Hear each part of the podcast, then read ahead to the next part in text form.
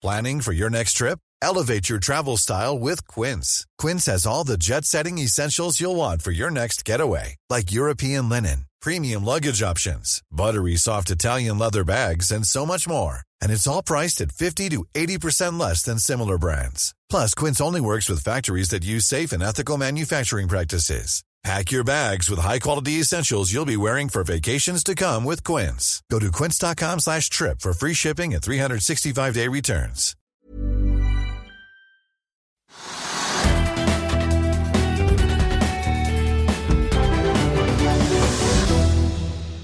Velkommen til Økonominyhetene tirsdag 7.9. I dagens sending skal vi få besøk av flyanalytiker Hans-Jørgen Elnes, som skal eh, ta oss gjennom de ferske trafikktallene fra eh, både SAS og Norwegian, så vi får oppsummert eh, hvordan denne sommeren egentlig har vært for disse stakkars flyselskapene. Og så skal vi også se litt hvordan dette markedet ser ut fremover. Og så skal vi ta en prat med Trygve Hegnar om budet på Bank Norwegian og andre ting som rører seg i markedet. Men først skal vi ta en titt på dagens viktigste børsnyheter. Hvis vi ser på oljeprisen, så er den nå ned tredje dag på rad. 0,4 til eh, snaue 72 dollar fatet. Godt under eh, den toppen vi hadde tidligere denne måneden på 73,4.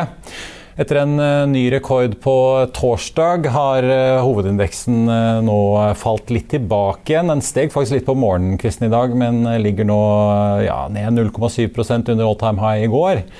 Ser man på utviklingen så langt i år, så er vi nå under det litt magiske punktet på 20% nærmere bestemt 19,8 Vinnerlisten så langt i dag består av eh, Pexip, MPC Container, som for øvrig var på taperlisten i går, Golden Ocean eh, og Frontline. MPCs, altså MPC Container er også for så vidt eh, den tredje mest omsatte aksjen.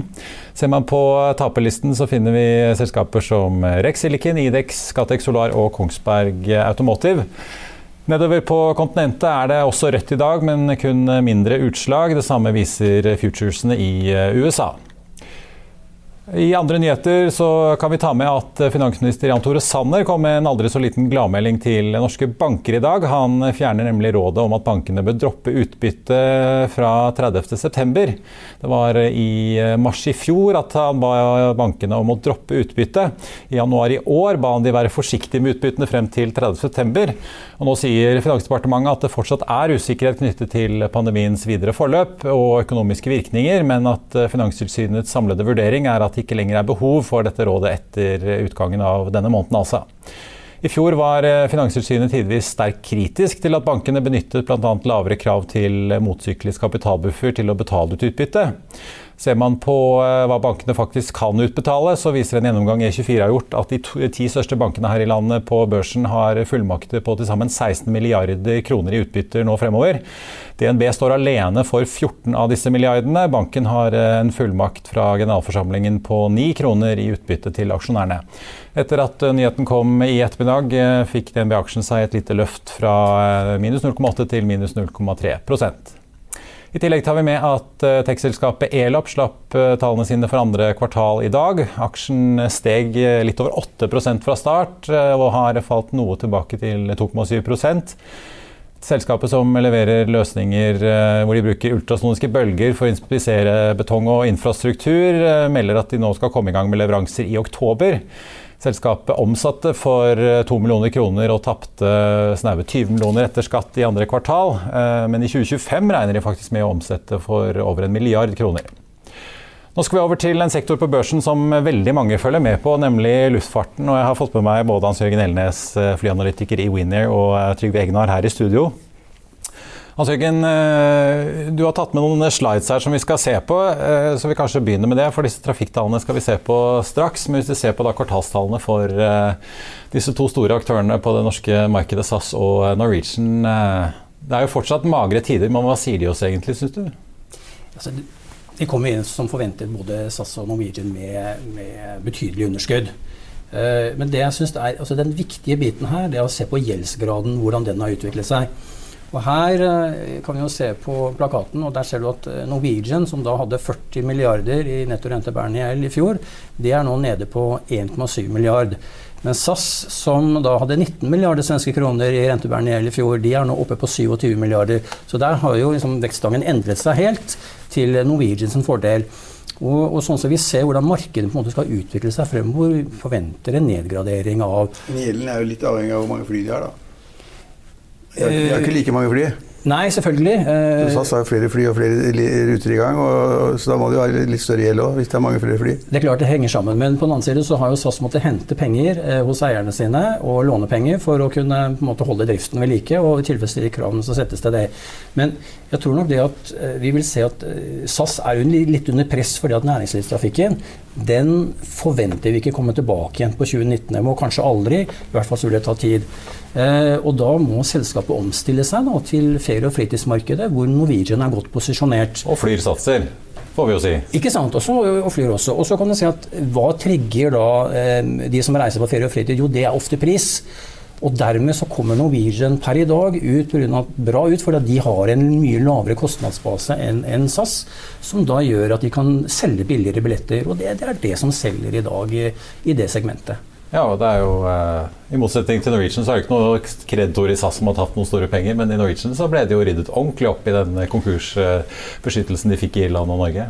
Ja, altså, jeg må vel si, og Vi snakket litt på forkant her, Trygve, at det er jo kanskje den, en mest spektakulære rekonstruksjonen av et, eh, av et stort norsk selskap noen gang. Og innenfor luftfarten kanskje det mest spektakulære ever, hvis vi ser på global basis. Så, så det er klart at vi, kreditorene må, måtte ta en bitte pille her. Eh, Men noen har jo fått oppgjør til oppgjør i aksjer. og har jo alle fått en mulighet til det, og Den aksjen har jo utviklet seg positivt i forhold til den konver- konverteringskursen som aksjen ble, som de fikk dette på. Så mm, jeg ser ikke bort fra at det, ja, det kan bli en bra case etter hvert. Men det er litt usikkert nå for alle. Trygve, det ble ikke noen eh, stor eh, kollaps i Norwegian da enda flere aksjer skulle slippes ut eh, her om dagen? nå, ja, nå har jeg ikke sett akkurat på kursen, men ligger den ikke i samme intervallet på 10-12 kroner eller sånn da? Jo, ligger jo nesten nær ved ti, vel. Ja, ja, så, ja, det er ikke noe særlig suksess, det, da. Men det har ikke vært noe, hvis du ser på Flyr-aksjen, så har heller ikke den til disse nykommerne heller ikke den har liksom vist noe veldig fart på børsen. Den har jo Den falt en del fra starten. Tvert imot. altså Emisjonskursen var jo fem kroner, og den ligger nå under fire, altså 3,96 eller noe nå. Så under 4 kroner, Det er et kraftig fall. da. Det er et signal om at markedet er skeptisk til om de klarer seg. Om de med få fly og tøff konkurranse og prising som er veldig lav, om de klarer, det tror jeg markedet er veldig skeptisk til. Og det samme er også egentlig for, i og for seg på Norwegian. altså Når kursen ligger på 10 kroner jeg husker Hva hva var den siste konverteringskursen? Det var vel ni og noe, så jeg husker. Ja. ja, men det, så det ligger der, da. Så det er ikke mange som tror på flymarkedet som et marked som setter gode penger i. Det tror jeg ikke. Men, men det er klart at i Norwegian så har du det spesielle forholdet at, at eh, skipsreder Jon Fredriksen, eh, som er stenrik og som kan bruke så mye penger han bare vil, ja, det, og det mener vi jo, det vet vi jo. Og ja, han har da liksom han har 17 av selskapet eller noe sånt nå. Ja, snaue 20. Ja, 19. ja. Så han har en stor del av selskapet brukt, la, la en milliard eller to på bordet, det, og det er jo positivt for selskapet. og det, han, er også, han er også kjent for det at hvis det går dårlig, så har han mer penger å putte inn. Altså, han, han er flink til å putte på egenkapital hvis det trengs, for å beholde den kontrollen han har, eller den nesten-kontrollen han har. slik at, så, ja, altså, altså Flyaksjer ville jeg ikke kjøpt hvis jeg skulle sette pengene inn for å spare pensjonen min, eller ta- ta- tanten min gode penger. Det ville jeg ikke gjort. Det er, det er skummelt. Med for underholdningen. Men, Ja, men- altså, men så men tror du Jon hadde satt inn, altså, tror du han er villig til å sette mer kapital i Norwegian hvis det trengs? da? Altså Hvis selskapet utvikler seg positivt, og hvis det er slik at man må ha inn penger, og noen må legge penger på bordet Hvis man da liksom da ikke vil utvanne helt da, og liksom få en helt vanvittig emisjonskurs, så kunne, da, kunne nok han tenke seg å legge penger på bordet. Jeg skjønner ikke, helt- ikke helt hvorfor. altså Hva skal du med et lite flyselskap i Norge? Eh, Det, det gikk jo ikke så veldig bra sist, men, men han har gjort det. og Det overrasker mange. og Han har penger. så og det, og det er et godt poeng som du sier også, at altså, gjelden i SAS er stor fortsatt. Veldig stor. Og gjelden i Norwegian er borte, men det var fordi at, at aksjonærene ble barbert, og fordi at eh, kreditorene da liksom fant ut at de måtte ok, ok, vi tar noen jævlig dårlige aksjer, istedenfor å sitte med en god bånd eller et godt lån. Så, så de var gjennom en skrekkelig prosess, ikke sant. Og, og da er man i utgangspunktet litt bedre stillet, da. Men, men at det, altså selv om Norwegian har lite gjeld, så kan jeg ikke tenke meg at det blir en sånn god business på en ganske lenge ennå. Det kan jeg ikke tenke meg. Vel, jeg bare inn på litt der, fordi Du må se også på hva de har. Vi snakket om kontanter. Liksom, hva er likviditeten til Norwegian og SAS? Nå har Norwegian likviditet på rundt 7,5 milliard eh, norske kroner. SAS er på rundt 4,4 milliard. Eh, og så har de fått en trekkfasilitet på Ja, for De har jo fått en kredittramme på 3 milliarder til fra Sverige og Danmark, som de i hvert fall foreløpig ikke har benyttet. Ja, kostbare penger, da, denne kredittrammen som, eh, som eh, SAS får tilgang til. Så Norwegian er ganske godt skrudd sammen eh, likviditetsmessig. Og så tror jeg at vi skal si at Geir Karlsen Han er magic man med numbers. og Han eh, jobber i et domene nå som går på at det skal ikke brukes for mye kapital. Eh, som da slår ut i det vi kaller cash burn, altså penger som flytter ut av kassa hver eneste måned. Så vi kommer til å se en veldig fokus på det. slik at jeg tror at Norwegian de kan fly gjennom den turbulensen her uten at det blir eh, behov for å hente mer kapital. Jeg er litt mer usikker på SAS. Om de i løpet av høsten må forberede seg for en tung vinter hvis det blir slutt på langdistanse, dekket kommer ikke opp og eh, reiser til USA etc., sånne ting, så kan det gjøre at selskapet må hente mer kapital. Det vet vi ikke ennå, men det kan skje. Hvis de, ja, hvis de taper 2-3 milliarder i kvartalet, så må de hente mer penger. Men, men, ja, men, jeg tror de er i ganske lik posisjon. Altså, de gjør det samme. Fly fra, fly fra Oslo til Bergen eller Oslo til NIS, det er, det er akkurat samme operasjonen. Altså, det, er liksom, det, er ikke vesensforskjeller, men det er klart at SAS har en drag ved at det er veldig veldig mye gjeld. Hvis det går den dårlige veien, så skal den gjelden betjenes med renter og med avdrag og sånn, så det er litt komplisert. Men det, mitt poeng er det at det, altså flyselskapet generelt er ikke noe å putte pengene i. Men det er fint at de flyr for oss. Vi kan fly til Trondheim for 300 kroner, eller Bergen for 200 kroner, eller Tromsø for 500 kroner. Det er strålende. Men altså, som, som sparekapital så ville jeg ikke gjort det. Derfor sier jeg at jeg skjønner ikke hva Fredriksen tenker på. Men det er sikkert fint for Norwegian at de har han som eier, men jeg skjønner ikke hva han tenker på. men denne, altså Nå har jo SAS akkurat fått uh, ny sjef, og vi så de avlyste på kort varsel den nye ruten de skulle gjenåpne mellom København og Boston med det nye langdistanseflyet som egentlig ikke er så stort, da, 321 long range. Eh, hva er det et tegn på? Er det et tegn på at eh, den nye sjefen tar nye grep, eller? Det, det, det er et tegn på at de, tar grep, SAS tar grep raskere nå. SAS er i en omstillingsprosess som gjør at de må agere mye kjappere enn de gjorde tidligere. Men det andre er jo at, at USA har jo ikke åpnet opp for normal trafikk for, fra Europa til USA. Og nå har jo Europa truet med å gjøre tilsvarende for eh, vanskelig for amerikanere. Og I Nederland så har de allerede eh, innført karantene, så SAS tok ingen sjanser her nå. De kan ikke brenne av penger på en rute som ikke de kan tjene, altså få en avkastning, god avkastning på. I tillegg så kan ikke de her A321 long range, som den heter, lite plass til cargo. Og det er på langruten i dag, som både Finner og SAS flyr, så er det svært få passasjerer, men de fyller opp med, med, med flyfrakt. Ja, det er jo norsk sjømat som, holder de rutene gående. Og, og mye annet, som er veldig godt betalt. Og det er derfor disse rutene flyr. Ellers så hadde de stått på bakken eh, nå, eh, tror jeg. Hvis du ser på din, den eh, tabellen eller det du viste her til å begynne i programmet, så har jo da SAS 130 eller 140 flere nå. 133, ja. ja og det, er, det kan du kutte når som helst. Så De er ikke nødt til å fly så stort. Hvis, altså hvis pengene renner ut og de taper penger, så kan de bare kutte 10 ruter eller 20 ruter eller 30 ruter. Ja, det kan de gjøre. De kan drive sånn jojo-operasjon. Ja, ja, jeg, jeg, sier ikke at de bør gjøre det, jeg sier at de kan gjøre det. For de. Er, de har så mange ruter i forhold til Norwegian, som har 30 ruter eller noe sånt, så de kan jo, eller 30 fly. Så de kan, de kan jo kutte ned hele tiden, da. Det gjør de, men, også, men det slår begge veier. For at SAS må faktisk holde flyene sine mest mulig operative i drift i luften. Fordi at de har ikke det vi kaller en power by the hour-avtale med leasingselskapene, som Norwegian har. Og Det betyr at når Norwegian har flyene sine stående på bakken, så betaler de ikke leie for dem. De betaler kun leie for flyene når de faktisk er i lufta. Det er, ja, for det er sånn både Flyr og Norse Atlantic har ja, så, eh, det, er en god deal. det er en god deal. Det er en god deal. Veldig god deal. Den varer ikke evig, sikkert. nei. Og, og, den har ikke SAS så mye av. Jeg tror de har noe sånt på de nye A350-ene, altså de store, nye flyene som de flyr langt av gårde med. Men på det majoriteten av flåten til SAS, det er jo kort og mellomdistanse, der tror jeg de er uh, ikke i samme posisjon. Og da er det dyrt å ha flyene stående på bakken, Trygve, så de må faktisk fly. Og derfor så pøser SAS på med kapasitet. Ja, de må, de må fylle flyene, for de har, da, hva var det siste tallet? det var et belegg på 60% eller sånn nå. Ja, det, er, det, er, jo ganske lavt. da. I gamle ja. dager så var det at hvis du hadde belegg på under 80, så var du ferdig. Ja, ja det, det, var jo 79% i august 2019, så det er ganske mye ned. Jeg skylder SAS å forklare litt dette her. fordi at eh, De 60 det er drevet frem av at de flyr disse langdistanserutene med bare flyfrakt. Og de regnes som rene passasjerruter, og når det da sitter bare noen få paks om bord i disse, så drar det, det kraftig ned på denne her. Så hvis du går litt inn og ser i detaljene, så er det ikke så ille for SAS i Skandinavia og Norge og, og sånt. Så, sånn er det. Finner enda verre. Det er 42 load factor, men de flyr mye mer langt. da. Men da så vi på kvartalspresentasjonen her om dagen til Norwegian, så sto jo konsernsjef Geir Karlsen og kunne melde at de fortsatt har over 7 milliarder kroner på bok, og det mente han han skulle klare å holde igjennom tredje kvartal. Så brant han kanskje noe i fjerde kvartal, ikke så mye, mente han. Eh, så de liksom var klare til vinteren og forberede seg til eh, sommersesongen 2022, som var liksom alt det de fokuserte på nå, sa han. Men hva skjer egentlig i Norwegian når disse Power by the Hour-avtalene går ut til påske? Da Da må de jo begynne å betale full leie for flyene igjen? Da blir det dyrt. Eller så eh, er de borte hos leasingselskapene i, i Dublin for å forhandle nye avtaler. Eh, det er ingen er tjent med et flyselskap som sitter eh, som, som, Norwegian, at man kommer opp i en ny sånn situasjon. Så man må se på hvordan markedet utvikler seg. Men det er klart, hvis nå ting går greit, og disse avtalene de går ut av action og, som du sier, til påske, så må de være godt rigga for å fylle opp flyene sine til fornuftige priser og sørge for kostnadene er nede, så de kan konkurrere på det fremover. Og Det tror jeg Norwegian kan klare. Ja. Jeg skal teste det på torsdag. Skal du til prøvefly? Prøvefly til torsdag på nytt, skal vi se om det går. Det var iallfall billig. Hi, I'm Daniel, founder of Pretty Litter. Did you know cats tend to hide symptoms of sickness and pain? I learned this the hard way after losing my cat, Gingy. So I created Pretty Litter, a health monitoring litter that helps detect early signs of illness by changing colors, saving you money and potentially your cat's life. Pretty Litter is veterinarian developed, and it's the easiest way to keep tabs on your fur baby's health right at home. Go to prettylitter.com and use code ACAST for 20% off your first order and a free cat toy. Terms and conditions apply. See site for details. I'll see you in court.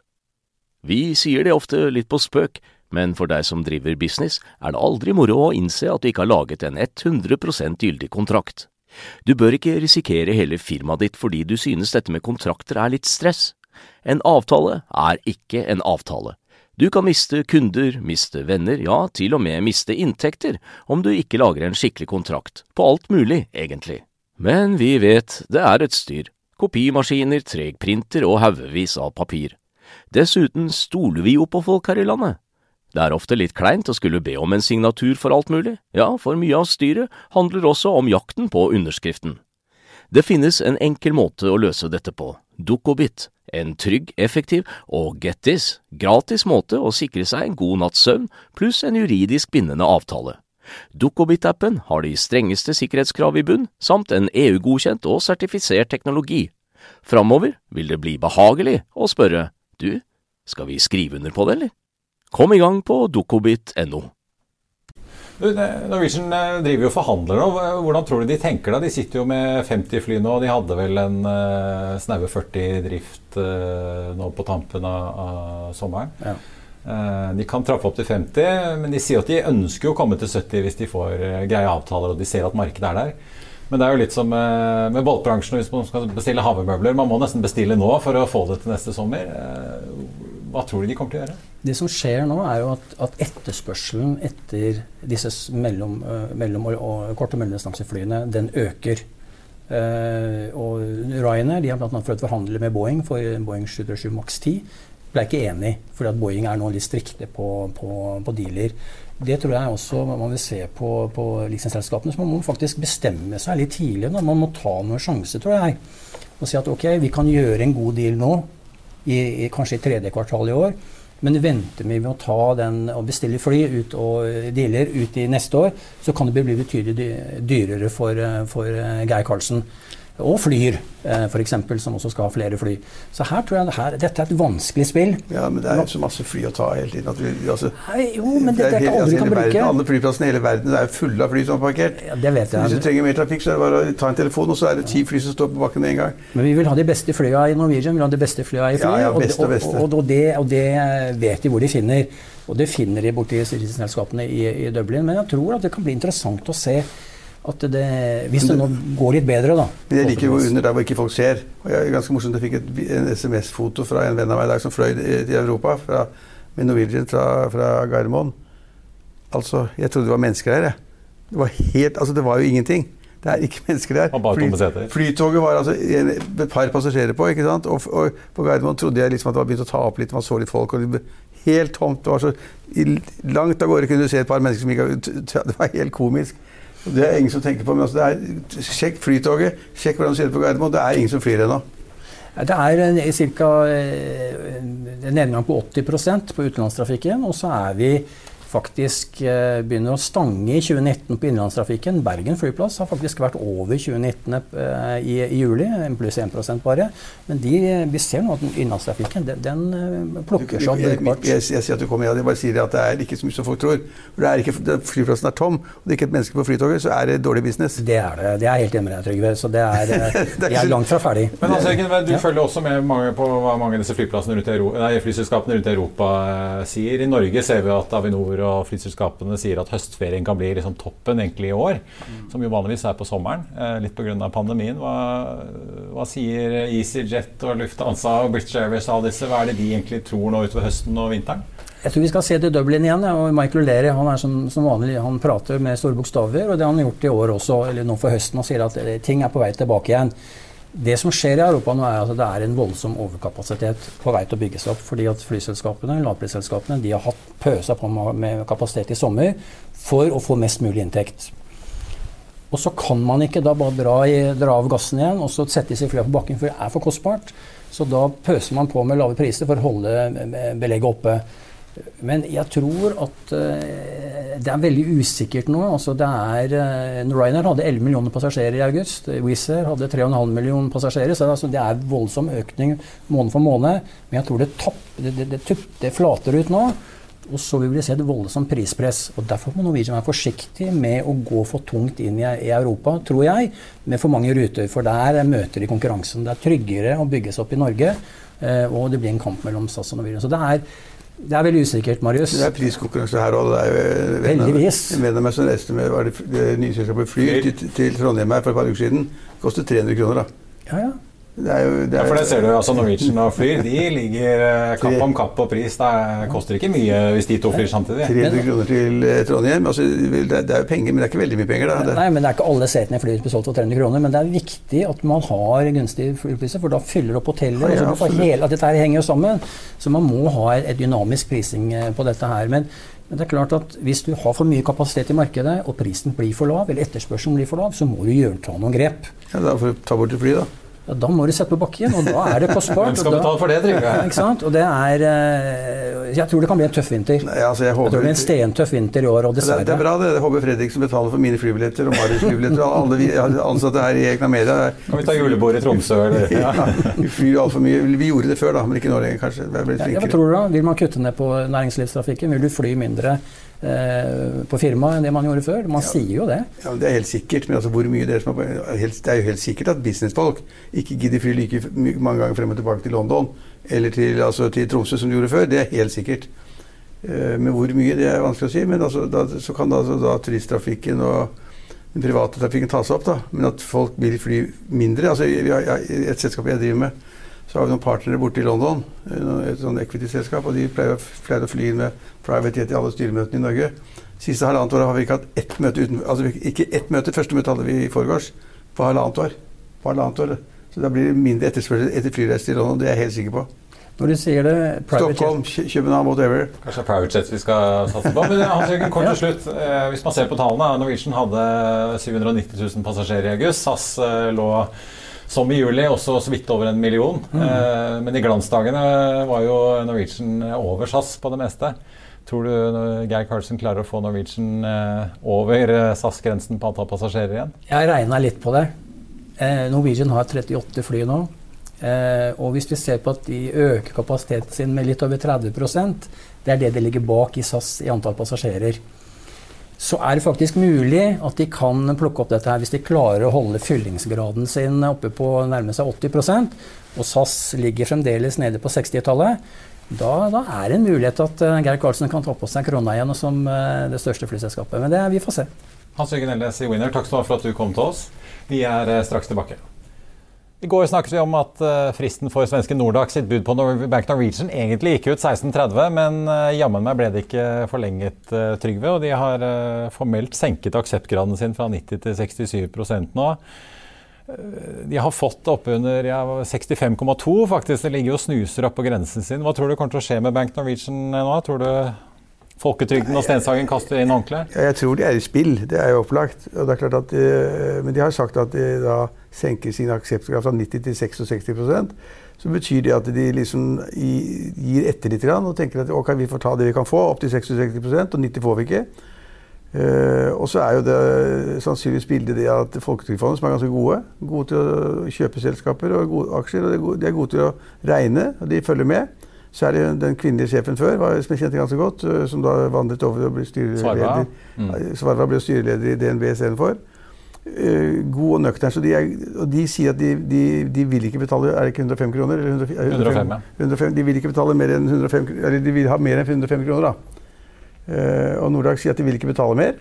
Og der står det tilsynelatende, så da så har da eh, ja, private eh, så, Ja, altså Nordic Capital, tenker du på? ja, Nei, jeg tenker på de andre store aksjonæren, Stenshagen. Ja.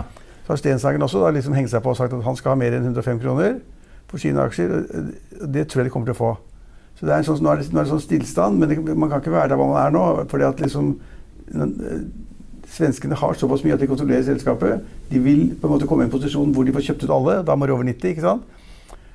Og selv om de da sier at vi betaler ikke et øre mer enn 105 kroner, det har vi sett i andre selskaper, de andre selskaper, de betaler alltid mer. Så jeg vil tippe at det kommer et bud sånn under bordet i løpet av kort tid på 106 eller 7 eller 8 eller 110 kroner eller sånt, og da selger når, altså, Folketrygdfondet med en gang, og Stenshagen løper etter og selger med en gang, og så er det, er det gjort. Men nå, nå fighter de litt. Det er, det er eh, ja. Det er spill. Så dette er spill. Dette er sånn man spiller poker. Uh, og, og Folketrygdfondet prøver å være ganske proff prof og god, det er de. Stenshagen han vil også være en proff og god, og det er han. Uh, og da sitter man og venter litt på hva som skjer. Men det som er poenget er at Folketrygdfondet og Stenshagen var kommet til en posisjon hvor de kunne blokkere da, eller blokkerte da muligheten til å kjøpe 90 og da løse ut de andre. Og det måtte Nordax ut av. På en eller annen måte, det må de ut av. Og da, så det ender med at de kommer til å få hele selskapet. Men hva tenker du om eh, Susanne forklarte jo her i går sant, at eh, hvis de kjøper det opp, flytter uh, banken ut av Norge til Sverige, så de jo, får de jo lavere kapitalkrav, så de frigjør veldig store midler som kan bli betalt i utbytte f.eks. Hva, hva tenker du om det? Ja, men Det er et godt resonnement, da. Ja, Det høres jo logisk ut, men det altså, høres logisk ut. Ja. har vi da liksom for strenge regler i Norge, eller at det burde det være samkjørt? Når det, liksom, det er så åpenbart lønnsomt å gjøre noe sånt? I hvert fall hvis det er lønnsomt å flytte banker og, og, og, og egenkapitalen mellom altså hovedsteden i Skandinavia. Det er, for, det, er for, det er for, dumt, nesten. Men, så, men, sånn er det faktisk nå. Hun hadde en god artikkel om det i Finansavisen også, men, men ja jeg, jeg, vet ikke hva jeg skal si. Det jeg ser, bare på det, at jeg ser på spillet, og spillet er slik at Nordax vil ha banken. De land som ikke vil betale mer. De største tøffe eierne de sitter og sier få litt mer, og de kommer til å få mer. Vi må snakke om eh, en annen litt sånn eh, aksje som har vært i vinden. Pasientsky, teknologiselskapet innen helse hvor plutselig Arne Blystad og Vollberg har kastet seg Den på. Den har jeg ikke peiling på, Marius. Jeg så bare at de kjente investorene var kommet inn ja. etter et dramatisk kursfall. da. Ja, så det, det, kan jeg ikke noe mer om, faktisk. Tør jeg ikke si noe om. I Finansavisen i morgen kan du lese Trygve Hegnars leder om KrF-lederens boligstøtte, og at Stortingets boligkontor bør finne seg noe annet å gjøre.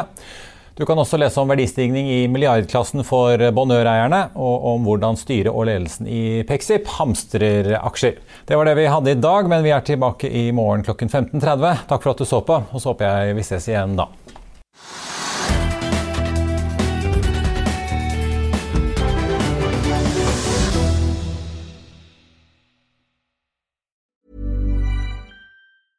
Planning for your next trip?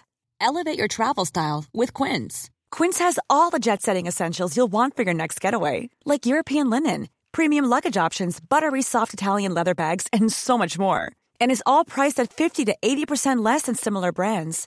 Plus, Quince only works with factories that use safe and ethical manufacturing practices. Pack your bags with high-quality essentials you'll be wearing for vacations to come with Quince. Go to quince.com slash pack for free shipping and 365-day returns. Økonominyhetene er en podkast fra Finansavisen. Programledere er Marius Lorentzen, Stein Ove Haugen og Benedikte Storm Bamvik. Produsenter er Lars Brenden Skram og Bashar Johar. Og ansvarlig redaktør er Trygve Hegnar.